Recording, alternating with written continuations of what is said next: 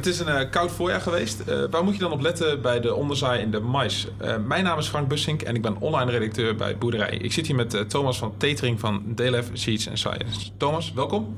Ja, dankjewel Frank. Ik ben Thomas van Tetering, product manager. Ik ben verantwoordelijk voor de voedergrassen in Benelux. Uh, en daarbij hoort ook uh, onderzaai in de mais natuurlijk. Mm-hmm. Ja, en hebben we, dit jaar hebben we een, een redelijk koud voorjaar gehad. Um, wat voor gevolgen heeft dat voor de, de onderzaai in de mais?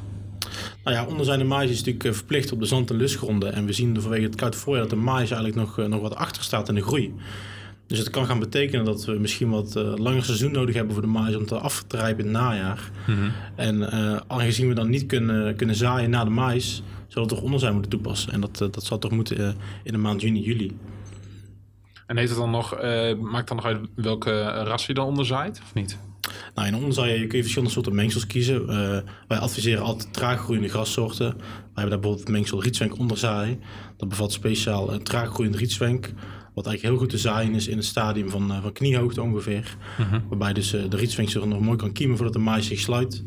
En eigenlijk niet te, te massaal wordt onder het gewas. En daardoor heb je ook geen minder opbrengst van de maïs. Want het, het, gras moet eigenlijk ook langzaam kunnen groeien. En pas na de maïsoogst in september, oktober volle bak uit de grond branden. En zorgen voor de, het vangen van, van de uitspoeling. Ja, precies. Ja. En hoe ziet het er in de praktijk uit? Aan de praktijk zien we afgelopen jaren dat het toch wel, wel lastig is om onderzaai goed toe te passen. Je hebt kijk, drie momenten om te zaaien. Je kunt uh, gelijktijdig met de maïs zaaien.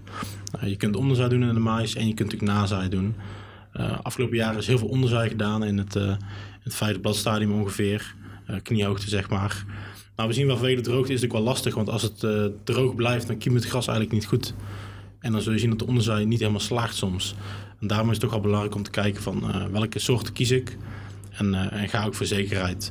Kies niet bijvoorbeeld Italiaans die te snel en te massaal wordt, waarbij je eigenlijk verlies kan hebben van je mais zelfs. Ja, precies. En stel nou dat die, die onderzaai totaal niet, niet slaagt, is het dan nog altijd de mogelijkheid om te zeggen we gaan er alsnog weer nazaaien? Of is, het, is, dat, niet, is dat geen optie?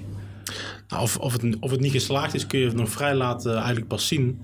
Uh, we hebben afgelopen jaar ook gezien dat uh, in de mais in juni eigenlijk heel de zomer niks te zien was. Of hele kleine grasplantjes. En dat na de mais, toen het eigenlijk vochtig werd, alsnog het gras ging kiemen. En eigenlijk goed aan de groei ging. Maar goed, je zit wel met de norm dat het op tijd eraf moet zijn. Dus zorg dat de mais voor 1 oktober eraf is, want anders kun je geen nazaai meer doen. Dus dat is toch wel een, een deadline waar je mee te maken hebt als boer. Hmm. En ja, mocht het nog een heel warm zomer worden met veel vocht, dan kan de, de afwrijving van de mais nog steeds voldoende op tijd zijn. Maar dat zal de toekomst uitwijzen natuurlijk. Ja. Nou, en als je als, als melkveehouder bijvoorbeeld uh, nazaai hebt gepland... en uh, bedoel, als ik nu uh, hier naar Doetinchem rij... zag ik vandaag, zie je gewoon maispercelen... waar nog, het plantje nog net niet, nog, nog niet goed naar boven komt. Hè? En je, je vreest een beetje dat het dat nazaai wat krap wordt. Kun je dan nog steeds onderzaaien? En wat moet je dan doen? Ja, nee, dat, is zeker een probleem nu. Ik, ik kom zelf uit het zuiden en in Brabant zien we dat ook. De, mais staat nog heel klein. En als je nazaai gepland hebt, is het toch wel goed om te overwegen vanwege het groeisel van de marge niet toch voldoende moet afrijpen om toch misschien onderzaai te gaan doen. En daarbij is wel belangrijk om niet te vroeg te gaan onderzaaien, want dan krijg je gras die eigenlijk te ver ontwikkeld is. Dus toch houd die, uh, die norm aan van minimaal kniehoogte inzaaien. En toch die traag groeiende rietswenk, zodat je wel voldoet aan je gewas. Dus het is wel goed om na te gaan denken als je het gepland had om nazaai te doen of een weidemengsel te gaan zaaien in het najaar. Misschien toch te switchen naar, naar die onderzaai om toch voldoende mais te kunnen telen dit jaar. Ja. Zou, zou je dan ook van een andere ras kiezen? Want je had natuurlijk een nazaai gepland, maar dan ga je niet, je gaat switchen naar uh, onderzaai, omdat je, en dat je ziet dat het te traag gaat allemaal. Moet je dan nog wisselen van ras? Ja, dat is inderdaad wel een heel andere grassoort. Uh, dan is ook wel belangrijk van wat wil ik gaan doen met die nazaai. Kijk, bij nazaai ga je in, in principe meestal kiezen dan voor Italiaans. Italiaans rijgras of een, of een weidemengsel. Um, bij onderzaai ga je toch naar traaggroeiende types. Dus bijvoorbeeld traaggroeiend rietswenk. Maar daarbij is wel belangrijk dat je die keuze maakt van ga ik voor rietswenk uh, is de vraag van ga ik met het perceel de jaar erop doen. Uh, er gebeurt ook wel eens dat Italiaans expres gekozen wordt als nazaai, omdat ze het jaar erop nog een snede vanaf willen halen. En dat zal met rietswenk iets lastiger zijn, mm-hmm. ook vanwege de voederwaarde. Ja, dus je moet wel echt goed, uh, goed vooruitkijken van hey, wat wil ik na, als het mais eraf is, wat ik er dan mee wil gaan doen.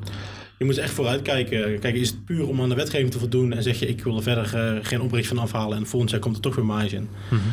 Ga dan misschien voor zekerheid en doe toch nog onderzaai. Maar heb je natuurlijk in je bouwplan de gedachte van, ja, ik wil volgend jaar hier gewoon uh, één of twee grasland telen. Ja, dan moet je toch naar NASA.